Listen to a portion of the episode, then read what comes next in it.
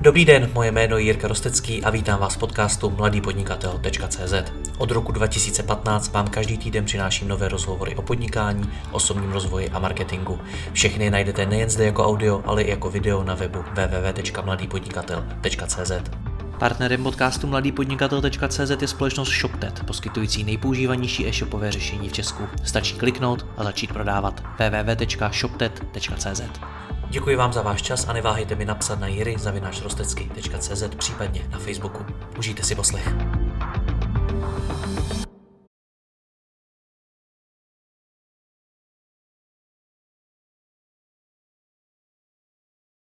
Dobrý den, kdy nemají e-shopy peníze, proč se jim neproplácí pohledávky a jaké standardy na trhu nastavují marketplaces. O tom bude dnešní rozhovor. Mým hostem je Adam Šoukal z Rogeru, skrze který si firmy nechávají proplácet své faktury, aby se k penězům dostali rychleji.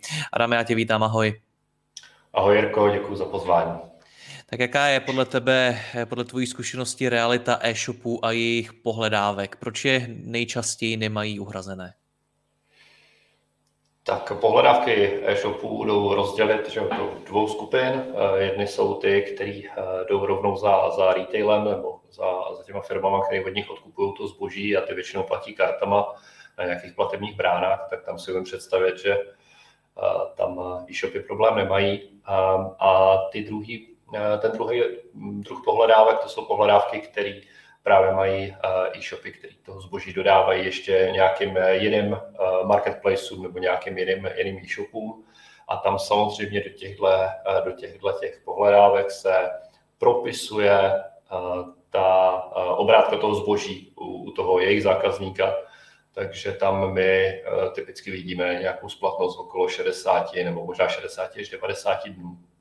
Takže to, to je vlastně ten, ten, ten důvod, proč vlastně část toho cash flow těch, e-shopů nebo těch dodavatelů do marketplaces nebo velkých e-shopů se, se spožďuje, protože prostě čekají, než, než těch partneři to zboží, co jim dodali, prodají. 60-90 dní, to je na české poměry, na realitu trhu hodně nebo málo? Uh, no, uh, je to jakoby průměr. Jo? My, my, když se díváme úplně na všechny industrie, který, eh, který financujeme, tak průměr je někde okolo 52 dní, takže řekněme, že ta e-commerce česká je spíš jako na tom delší pokraji těch splatností. Um, ale co se týče ve srovnání třeba s Evropou nebo typicky Jižní Evropou, tak jsme na tom s těma splatnostmi ještě relativně dobře. Když se podíváme třeba do Španělska nebo do, do Řecka, tak tam běžně ty splatnosti přesahují v průměru 100 dní, takže eh, řekněme, že jsme na půlce. No, co to ale znamená pro tu firmu, když se k těm penězům dostane až po dvou až třech měsících? Brzdí no, to? No určitě, pokud má nějaký, nějaký dodavatel eh, do, dobrý druh zboží, který v úvozovkách jako letí, Eh, tak eh, ho potřebuje co nejvíc točit. Že jo? Prostě je to o tom, že v nějakou chvíli eh, ta firma získává nevýhodu na trhu, má něco, co, co je populární, co zákazníci chtějí, ty marketplaces nebo ostatní velký shopy to od ní odebírají a vlastně ve chvíli, kdy musí na ty peníze čekat, to je dva až tři měsíce, tak se jí stenčují zásoby na skladu, který vlastně nemůže obnovovat, takže jí dochází, dochází likvidita a je, je možný, že ji prostě někdo třeba finančně silnější může předběhnout, protože pokud to ty e-shopy přestanou brát vodní, tak to vezmou od někoho jiného, který se to třeba taky naučí. Takže tohle je taková jako situace, do které vlastně se nikdo nechce dostat. Že jo? Pokud najednou má nějaký zboží, o který je zájem, tak by ideálně chtěl zůstat tím dodavatelem. A uh, to právě nejčastěji eh, ty dodavatelé do, do toho e-commerce eh, řeší tím, že eh, si ty faktury nechávají, nechávají proplatit hned. A opravdu to tak řeší, protože možností je určitě celá řada od kontokorentů po já nevím co dalšího, tak k čemu, jakým možnostem nejčastěji sahají podle tvé zkušenosti? Je to, je to zase záleží od velikosti firmy, jo? Um, ale co je jakoby vlastně příjemný nebo proč, proč třeba s náma hodně financují dodavatele do těch, do těch největších e-commerce řetězců u nás, eh, je to, že eh, oni s tím nemají vlastně žádnou administrativu, jo, s tím, že si eh, zkrátí splatnost faktury. Oni prostě jenom přes nějaký portál, který my typicky prostě s tím partnerem uděláme, nebo, nebo rovnou ve svém účetním systému, tak si kliknou, že chtějí mít zaplaceno. To je vlastně všechno, co dělají. Takže vlastně ta pohodlnost asi je ten důvod, proč část těch firm to dělá s náma. A druhá věc je ta, že když se podíváš na bankovní financování, tak to typicky se odvíjí od toho, jak ta firma fungovala třeba loni nebo předloni. Že Banka typicky by dala úvěrový rámec, tak se dívá na výsledky té firmy dva roky zpátky. A to je zcela irrelevantní ve chvíli, kdy ta, kdy ta firma má prostě nějaký zboží, který, jak jsme říkali na začátku, v uvozovkách letí, tak uh, může ten objem, uh, který prodává, být úplně jiný a mnohem vyšší, než byl třeba loni nebo předloni. Jo, takže i když třeba by, řekněme, máte úplně jako, si uděláme modelový příklad, že firma měla loni možnost mít kontokorentní úvěr milion korun podle svého obratu a, a teďka najednou každý měsíc prostě uh, prodá za 3 miliony korun zboží, na který musí ještě 60 nebo 90 dní čekat, tak najednou ta potřeba je prostě třeba šestinásobná nebo devítinásobná. Jo, a, a to tím bankovním financováním nepokryje. Takže řekl bych, že je to takový mix a v podstatě se to dá rozdělit do nějakých jako tří kategorií, um, kdy my vidíme, že firmy třeba obratově někde do těch 100 milionů korun eh, se typicky financují, přestože ty, eh, že ty faktury se nechají proplatit eh, dřív. Potom ty firmy nad 100 milionů korun obratu už to kombinují právě jako s nějakým robustnějším bankovním financováním, že ty úvěrové linky mají velký a, a jsou vlastně na tyhle ty um, druhý zboží, který letí připravený, protože už se jim to stalo párkrát v historii, tak třeba už jako jsou nachystaný na to, že letos zase mají něco, co letí. No a potom jsou ty největší firmy, které typicky mají třeba obraty přes miliardu korun a, ty jsou často mezinárodní a čerpají třeba peníze z nějakých jako cash poolů, který sdílí se svýma matkama. Jo. Teď se bavíme o firmách jako nevím, Samsung, LG a takhle. Chápu. Ty jsi řekl, že si ti můžou usnadnit tu administrativu, současně si ale dodal, že je tam potřeba vytvořit nějaký portál, napojit to na nějaký systém a podobně. Tak jak tohle to celé po té technické stránce funguje? Já myslím, že teďka přišla vlastně velká jako revoluce v tom, že e, spoustu těchto těch věcí se, se posunula na cloud. Jo. My, my jako Roger bychom vůbec vlastně nebyli schopni tohle dělat, kdyby, e, kdyby tady nebyly prostě firmy, které zajišťují cloudové řešení, e, jo, ať už já nevím, bavíme o, o i podniku nebo, nebo ještě nějakých dalších. A, a nám se prostě mnohem líp napojuje na cloudové řešení. Jo. To, to, jak typicky Roger funguje, je, že my třeba eh, čteme, eh, pokud si to teda samozřejmě ten dodavatel přeje, čteme eh, nějaký tok faktur mezi, mezi tím dodavatelem a odběratelem a spolu například třeba s Alzou, Datartem nebo Molem máme vytvořený prostředí, který který vlastně ranujeme spolu s tím, s, tím, s tím odběratelem, jmenuje se to třeba Alza Invoice Financing nebo Data Invoice Financing. A tam se vlastně ty dodavatelé nahrávají ty své faktury, takže jednak vidí, že ta faktura je v pořádku, že je jako přijatá, přijatá to Alzou a jednak si na ně můžou prostě kliknout a nechat si ji proplatit. A to je strašně jednoduchý, protože je to prostě na, na jednom místě, Eh, jsou tam verifikované data, takže my jinak nemusíme zkoumat, jestli ta faktura je správně, protože prostě víme, že je správně, a nám to potvrdila elektronicky.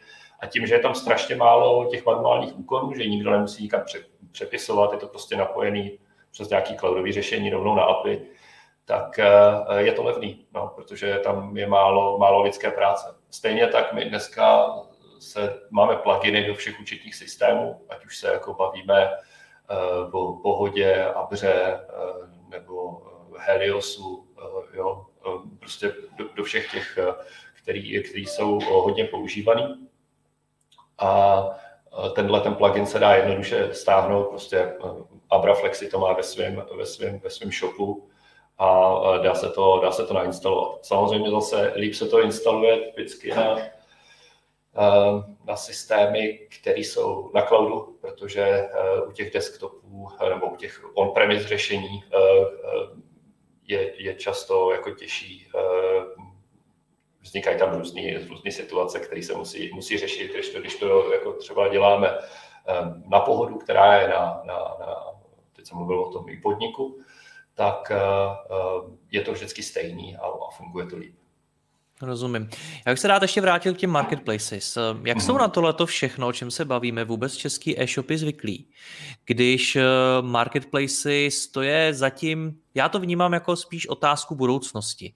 Že sice už je tady máme samozřejmě řadu let, nicméně velká část e-shopů přes ně ještě neprodává, značná část se tomu ještě brání a tak dále, tak dál. Mnoho lidí už mi i v rozhovorech řeklo, že tohle je ta budoucnost, že jednoho dne bude možná většina e-shopů prodávat přes nějaký svůj market marketplace a podobně. Jak to vnímáš ty tohle? Je to budoucnost? No, uh, já si myslím, že část, uh, část toho uh, e-commerce toku bude tímhle tím směrem. Na druhou stranu je, nebo třeba typicky český e-commerce zákazník je strašně zíčkaný. Jo? My jsme nároční, protože jsme si zvykli na velmi vysoký standard. Prostě dneska klikneme a zítra to máme doručení a k tomu je potřeba držet nějaký, nějaký sklad. Jo, to, bez toho se to podle mě zařídit úplně nedá. Jo. A um, to, že ten zákazník je tak náročný, tak vlastně nutí ty, ty velký hráče k tomu, aby, aby drželi velkou skladbou zásobu. A to jde trošku kontra těm, těm marketplaces.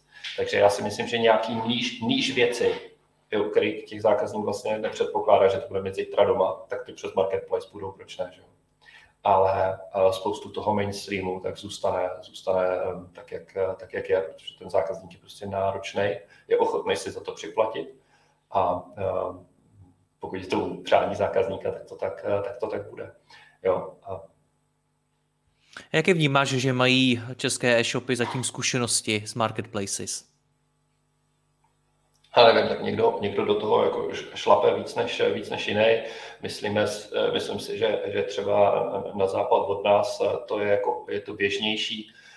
Um, myslím si, že česká e-commerce je extrémně jako silná, je to vidět, že těma různýma expanzivníma pohybama, ať už jako že rohlík, Maďarsko, Rakousko, jo, Alza vlastně taky, taky se, se teritoriálně rozšiřuje MOL má mimo vrsta na Slovensku, takže um, těch, těch aktivit jako českých, eh, českých e-shopů je, je, je celá řada a myslím si, že máme být jako na, na, co, na co pišný. Um, a častá, častá ukáže, jak, eh, jak to vlastně dopadne. Já si, já si nemyslím, že třeba víc než jako, a teď úplně plácnu a nejsem jako žádný e-commerce expert, já jsem spíš na ten funding zaměřený, ale myslím si, že třeba jenom 20% jako celého zboží bude přes marketplaces. Mm-hmm. No vidíš nějaké časté chyby spolupráce právě s marketplaces ze strany e-shopu? Něco, co třeba podceňují, co je často překvapí, kde se to zasekne, co je zdržuje, cokoliv? Hmm. Hele, já do, toho, do této části biznesu já, já úplně, úplně nevidím. Uh, my, my spíš se bavíme s těma, s těma dodavatelemi do e-shopu o, o, tom, o tom fundingu. Um, a tam, tam nám to funguje, funguje jako relativně dobře, takže já tam, tam nebudu schopný dát komentář k tomu. Rozumím. U těch dodavatelů tak dobře, jak se k ním pojďme posunout, protože to, co vím, že vy docela zajímavě řešíte, nějakým, nějaký ověřování důvěryhodnosti toho dodavatele. Jak to funguje? Uh, no, tak uh, my se živíme tím, že, že proplácíme faktury dřív. A aby jsme to mohli dělat, tak potřebujeme potřebujem vědět, eh, kdo jsou ty protistrany a jestli jsou kredibilní a bonitní. Jo, my, my to děláme teďka, my to osmý rok, takže na to je potřeba spoustu dat a je na to potřeba nějaký, nějaký riskový model a my jsme, my jsme vždycky to eh, používali interně, o tom se nás klienti občas začali ptát, jakoby, jestli když začnu dodávat tady do tohohle e-shopu nebo tady tomuhle odběrateli, jestli to pro ně je bezpečné, jestli si myslíme, že dostaneme ty faktory zaplacený včas a jestli jsme jim třeba taky uměli pomoct tyhle ty faktory eh, proplatit eh, dřív a zkrátit na nich splatnost. A, a, a začali s námi vlastně konzultovat ty, ty kreditní rizika. Jo? Um, a my jsme si řekli, že vlastně bude dobrý tohleto vystrčit na frontend, takže jsme udělali, eh, tak jak máme Roger platbu, která zkracuje splatnost, tak máme službu Roger ověření, kde si každý eh, zcela zdarma může zadat eh, ičo a my mu, my mu z toho našeho riskového modelu vlastně řekneme, jaká je pravděpodobnost, nebo jaký je finanční zdraví té protistrany, kterou, kterou, na kterou se dotazuje a vyjde mu k tomu zdarma i, i nějaký report.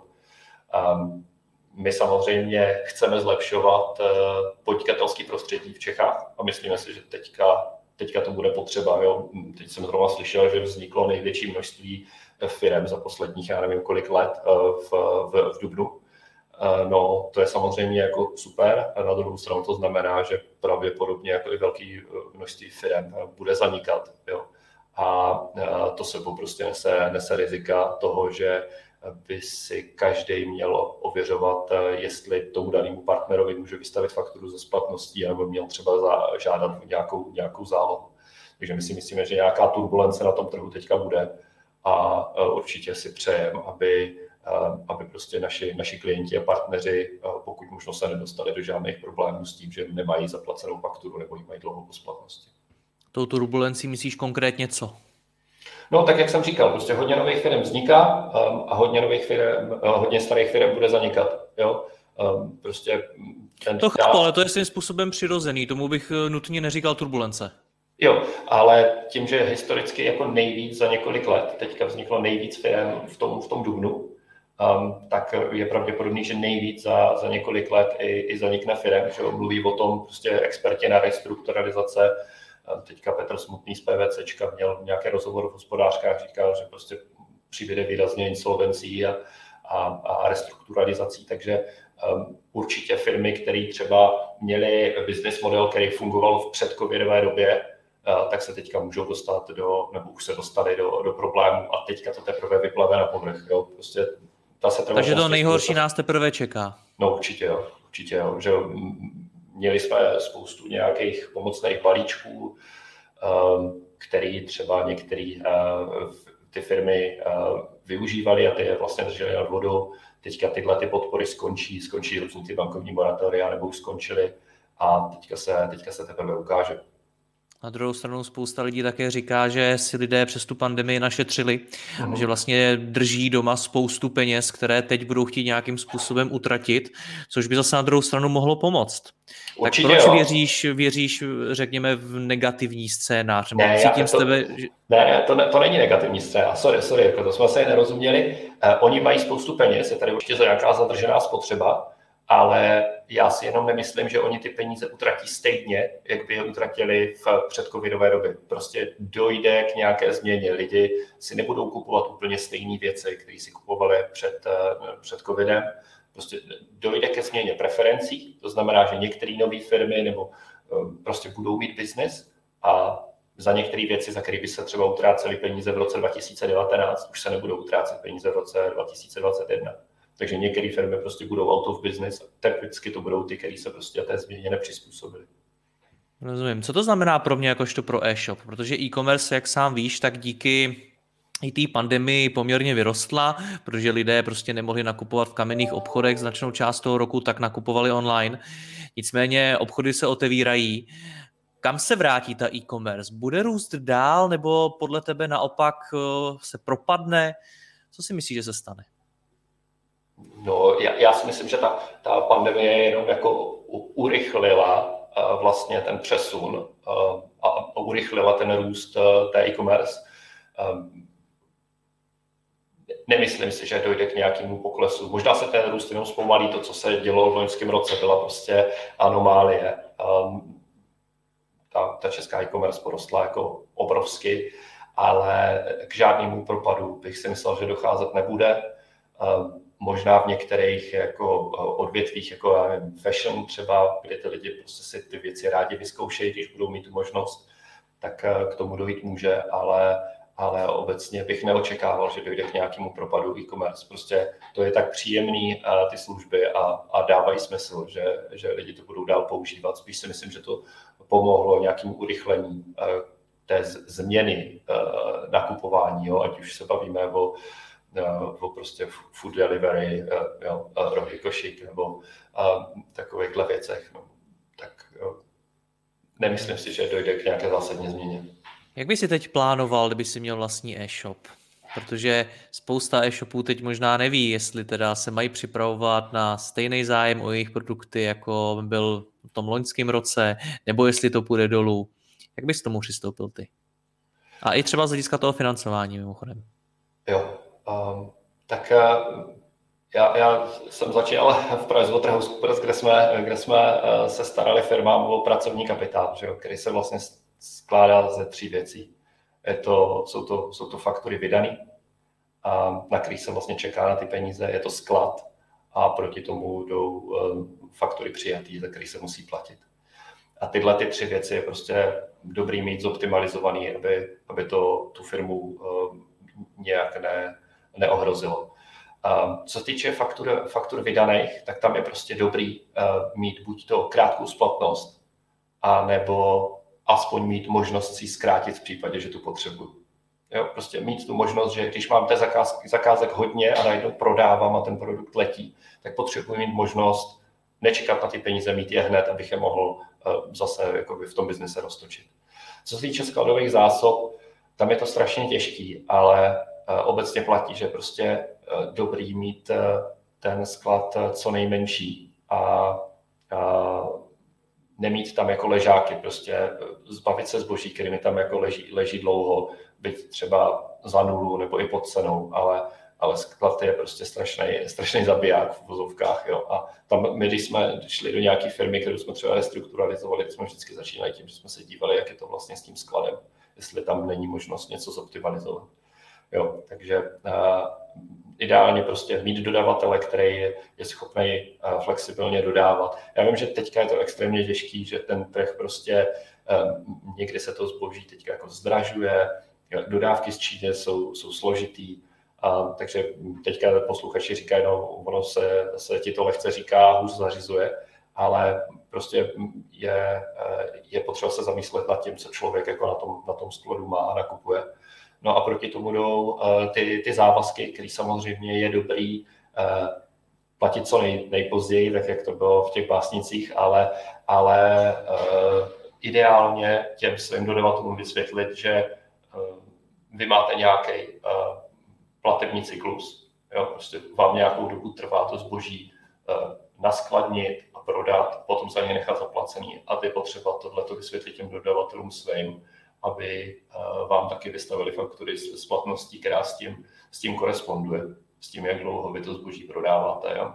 Typicky by bylo správně, abyste, aby každý platil své závazky ve chvíli, kdy, eh, kdy, kdy je schopný to prodat.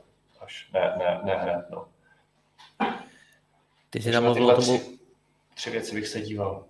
Hmm, ty jsi tam mluvil o tom ověřování eh, dodavatelů. Jak z tvý zkušenosti dneska e-shopy ověřují své dodavatele? Přikládají tomu váhu?